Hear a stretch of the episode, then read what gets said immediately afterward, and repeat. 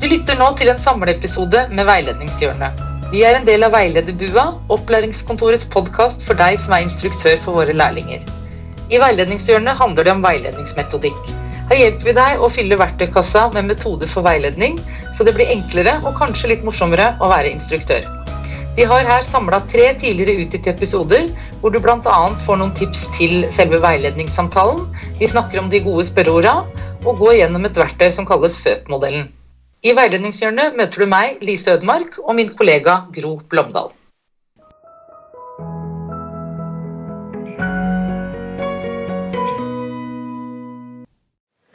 Velkommen til veiledningshjørnet. I dag skal vi snakke om oppstart av veiledningen med en helt ny lærling. Det har vært snakket om her at det er viktig at lærlingen føler seg velkommen. Så hvordan kan veiledningen brukes til å gi den følelsen av å være velkommen for en ny lærling. Hvordan kan vi veilede en som vi ikke vet så mye om ennå? Og hva er lurt å tenke på i starten med ny lærling? Så Lise, du er opptatt av klima i samtalen. Kan et sånt samtaleklima få lærlingen til å føle seg velkommen?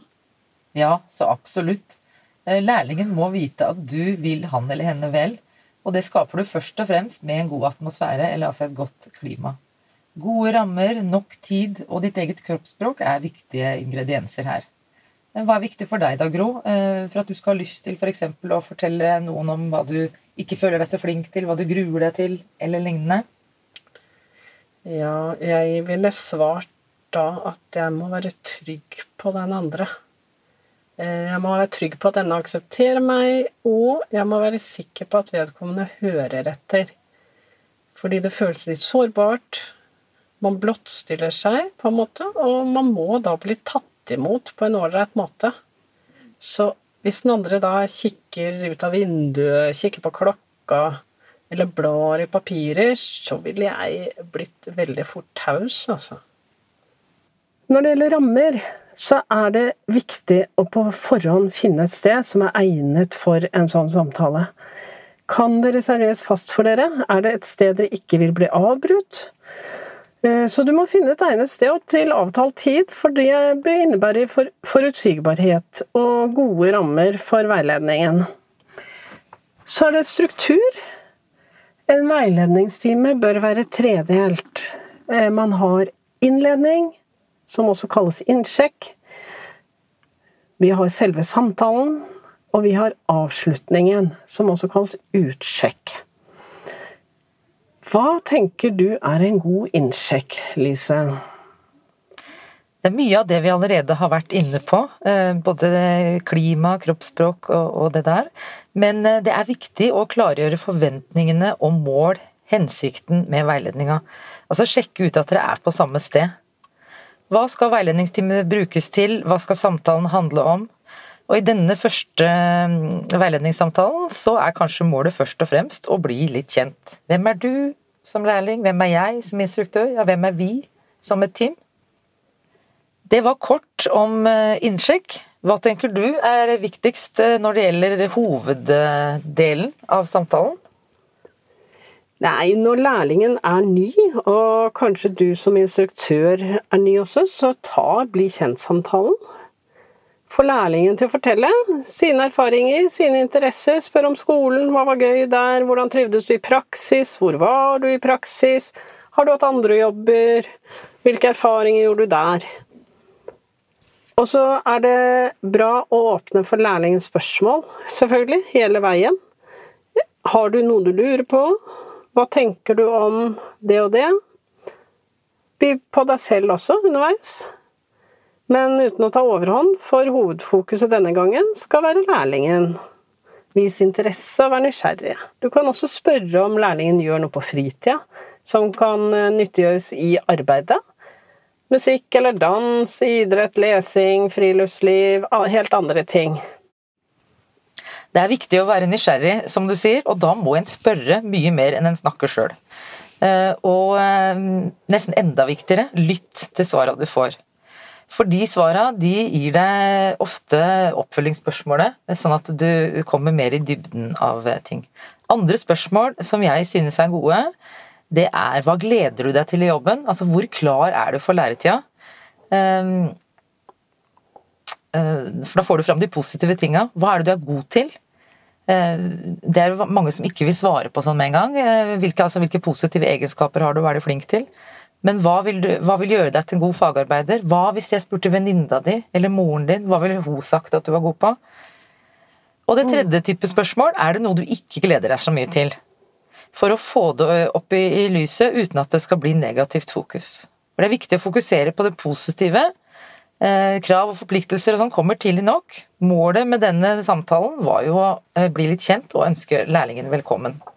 Er det noe av dette som eh, kan tas opp igjen seinere i læretida?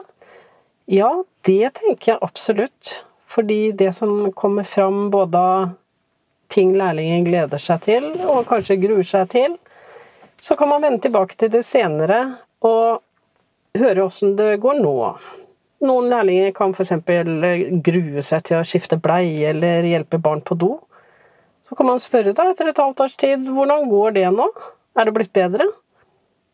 Eller lærlingen eh, kanskje har gledet seg til noe spesielt, så kan du spørre. Du gledet deg til å få ansvar, sa du i starten. Har du det nå, føler du? Og da blir man igjen litt bedre kjent, og man får noe nytt å bygge veiledningen på i det videre. Så skal man avslutte veiledningstimen, Lise. Hva er en god avslutning? En god utsjekk, tenker du? Det er viktig å avpasse tiden, sånn at du i hvert fall får tid til en utsjekk. Så ikke det blir sånn 'ops, nå må vi visst løpe, for nå skal vi noe annet'. Så avtale tid og tema for eh, neste veiledning. Eh, og oppsummere innholdet i samtalen dere har hatt. La gjerne lærlingen ta oppsummeringa. Et spørsmål jeg ofte bruker på slutten av en veiledning, som jeg liker, det er å si nå, det, nå nærmer vi oss slutten på denne samtalen. Er det noe du har lyst til å ta opp før vi avslutter? Ja, og nå nærmer vi oss slutten på veiledningshjørnet også, Lise. Og vi må også ha en utsjekk. Vår utsjekk det heter dagens veiledningstips. Og med utgangspunkt i det vi har snakket om, hva er dagens veiledningstips? Vi har jo snakka mye om det å skape et godt klima og god atmosfære, og tre punkter tenker jeg er viktig for å oppnå dette. Én, Vær nysgjerrig. To, Lytt mer enn du snakker. Tre, Vær bevisst på kroppsspråket ditt. Så dagens tips lag et godt klima i samtalen.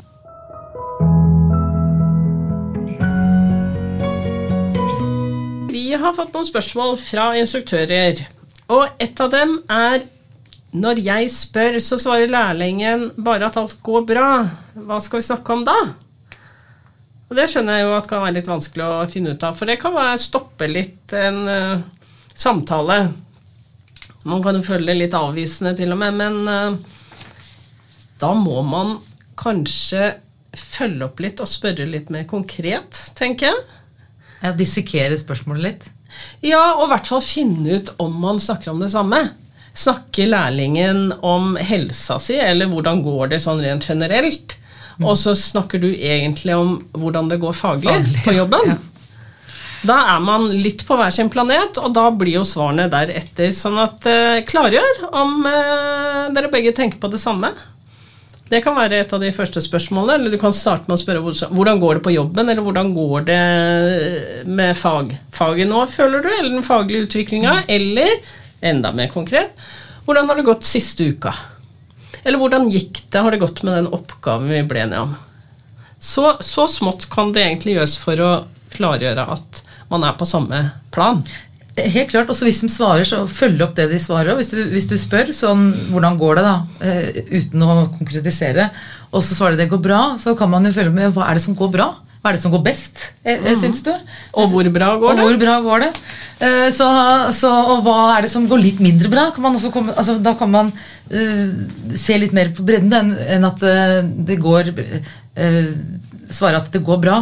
For det kan jo også handle om det kan jo også handle om at de svarer det de tror de, du vil høre. Hvert fall hvis det er en ganske ny lærling. Kanskje den er vant til det at Eller tenker jo på at du er kanskje setter karakterer, at, mm. selv om ikke det er det det er. Det er, det er jo en maktubalanse her. At man svarer ja, det går bra fordi at eh, det forventes at det skal gå bra.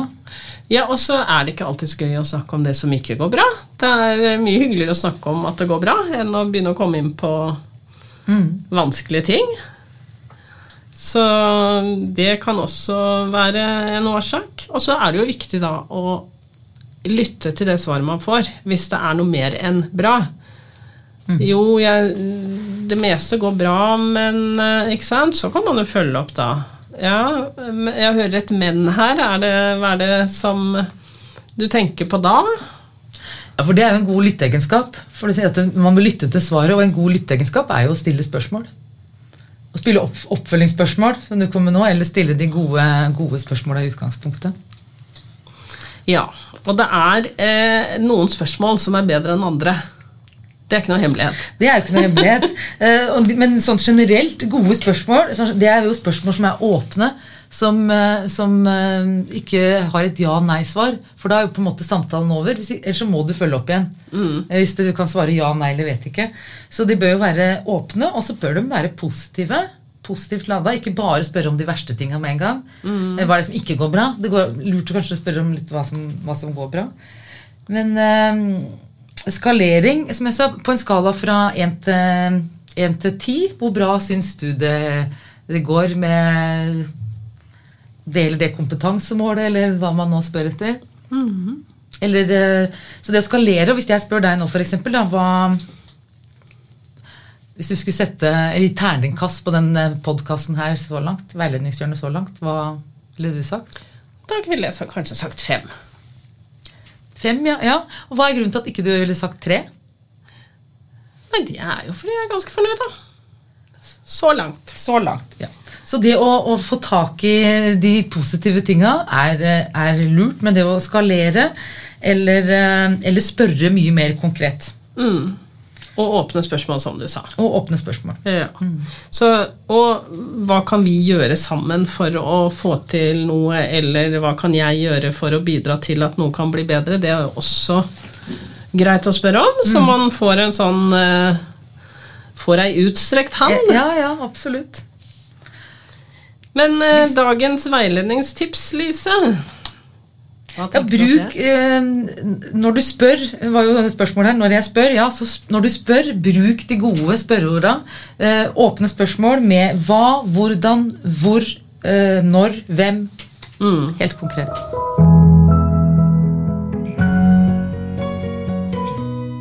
Når lærlingen og alle vi andre skal planlegge noe, og vi kjenner målgruppa for planen, så er det viktig å vite hva som er her og nå-situasjonen, og hva vi ønsker å oppnå. Da vet du om en modell i seg som kan være fin å bruke. Ja, den heter Søt-modellen, og jeg tenker den kan være et nyttig redskap. Eh, Det er en modell som eh, bruker altså Du kan se det for deg som en trapp, da. Så har du nå-situasjonen nederst i trappa, og så har du den ønska situasjonen, hvor er jeg vil hen, at den er øverst i trappa, og så har du trappetrinn imellom, som er da de skritta du må ta, altså hvilke tiltak og aktiviteter er det jeg må gjøre på veien for å komme opp til ønska situasjon. Så hvis man ser på situasjonen nå, da, nederst i trappa, eh, hvordan er det nå, hva er behovet, eh, hva er det vi trenger, eh, osv. Har du et eksempel, Gro, fra fagfeltet? Ja, det har jeg, for dette er jo veldig gjenkjennelig, og det er anvendelig. Eh, hva slags aktivitet skal vi eh, ha? Og da si at du er på AKS, og man ser at seksåringen eh, sliter med å knytte skolisser. Og da er det noe man kanskje bekymrer seg litt for, for snart eh, er det sur høst og kald vinter, og barna skal ha på seg masse. Og dette har ikke de voksne tid til å hjelpe hver enkelt med. Det er mange barn og få voksne. Så hvis man ser ønska situasjon, da, hva er det du ønsker å oppnå for deg eller brukergruppa, målgruppa her? Hvordan kunne eksempelet oversett ut? Hvis jeg skulle formulert eh, sånn eh, mål for dette, må jo være at alle barna på AKS eh, kan kle på seg selv før uteleken innen høstferien kommer. Ja, Så finnes det en del andre gode spørsmål som er lur, lurt å bruke når man er i den der fase av å se på ønska situasjon. Hva vil være annerledes når alle barna på AKS kan kle på seg før utelekk? Nei, da vil jo de voksne ha tid til litt annet. Da har man kanskje tid til å sette seg ned og snakke litt med barna eh, i garderoben. Eh, Istedenfor å være litt sånn stressa, sure voksne som eh, blir slitne av bare å tenke på alle de knappene og glidelåsene og skolissene som står foran deg før alle barna er ute. Og andre spørsmål kan jo være hva er det som er grunnen til at du ønsker dette? Den ønska situasjonen? Det er fordi at det er mye bedre både for barna og de voksne at eh, situasjonen er sånn. Barna får mestringsfølelse. Og de får medvirkning. De kan jo bestemme hvilke votter de skal ha på seg, da, hvis de klarer å ta de på selv. Ja. Så det er jo helt kjente pedagogiske begreper som er eh, bra. Så da har du nå situasjon, eh, ønska situasjon, og du vil gjerne komme dit. Og har gode grunner for det. Og hvis du da ser på trappetrinna, tiltaka, hva er det, hva er det mm, du tenker at man må gjøre for å oppnå ønska situasjon? Man må se på her, hvordan er det nå, tenker jeg. Og så tenke at mens det ennå er tid til å få ting på plass, for i august og september har man litt mer tid, det er færre plagg som skal på, så må man starte da med å motivere barna og hjelpe dem til å skjønne hvordan de skal få til dette. Har du noen flere tiltak eller aktiviteter? Ja, så er det jo sånn at seksåringene gjerne har en fadder eh, på et høyere alderstrinn, så det går jo an å bruke de barna AKS og si at nå må du ta litt ansvar for ditt fadderbarn og hjelpe dem til å skjønne hvordan de skal kleppe seg. Hvis det skulle vært enda noen flere, hva skulle det vært?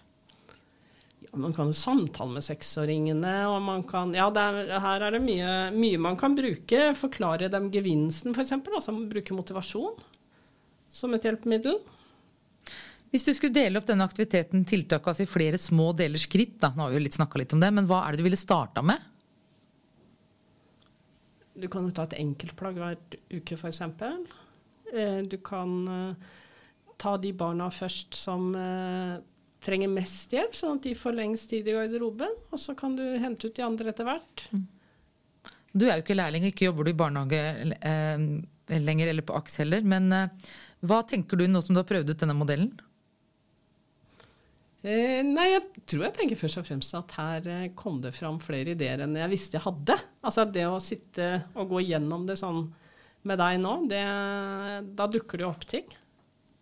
På en skala fra 1 til 10, vil du anbefale å bruke søtmodellen? Hvis én er det. ikke i det hele tatt, ti er tipp topp? Ti er tipp topp, da tror jeg vi går for en tier. For dette her syns jeg utløste masse. Den kan også brukes andre, på andre områder hvor det er avstand mellom nå-situasjon og, og eh, ønska situasjon. F.eks. Hvis, hvis du som instruktør eller lærlingen ikke er for tilfreds med en eller annen situasjon, da, kan jo være Altså man trenger å tenke over hva er det som kan være annerledes. F.eks. fravær eller ja, så det å bruke denne i veiledningstimene med lærlingen og si hvor er vi nå, hvor vil vi, og hva må vi gjøre hvilke trappetrinn har vi på veien dit? Det er det du mener?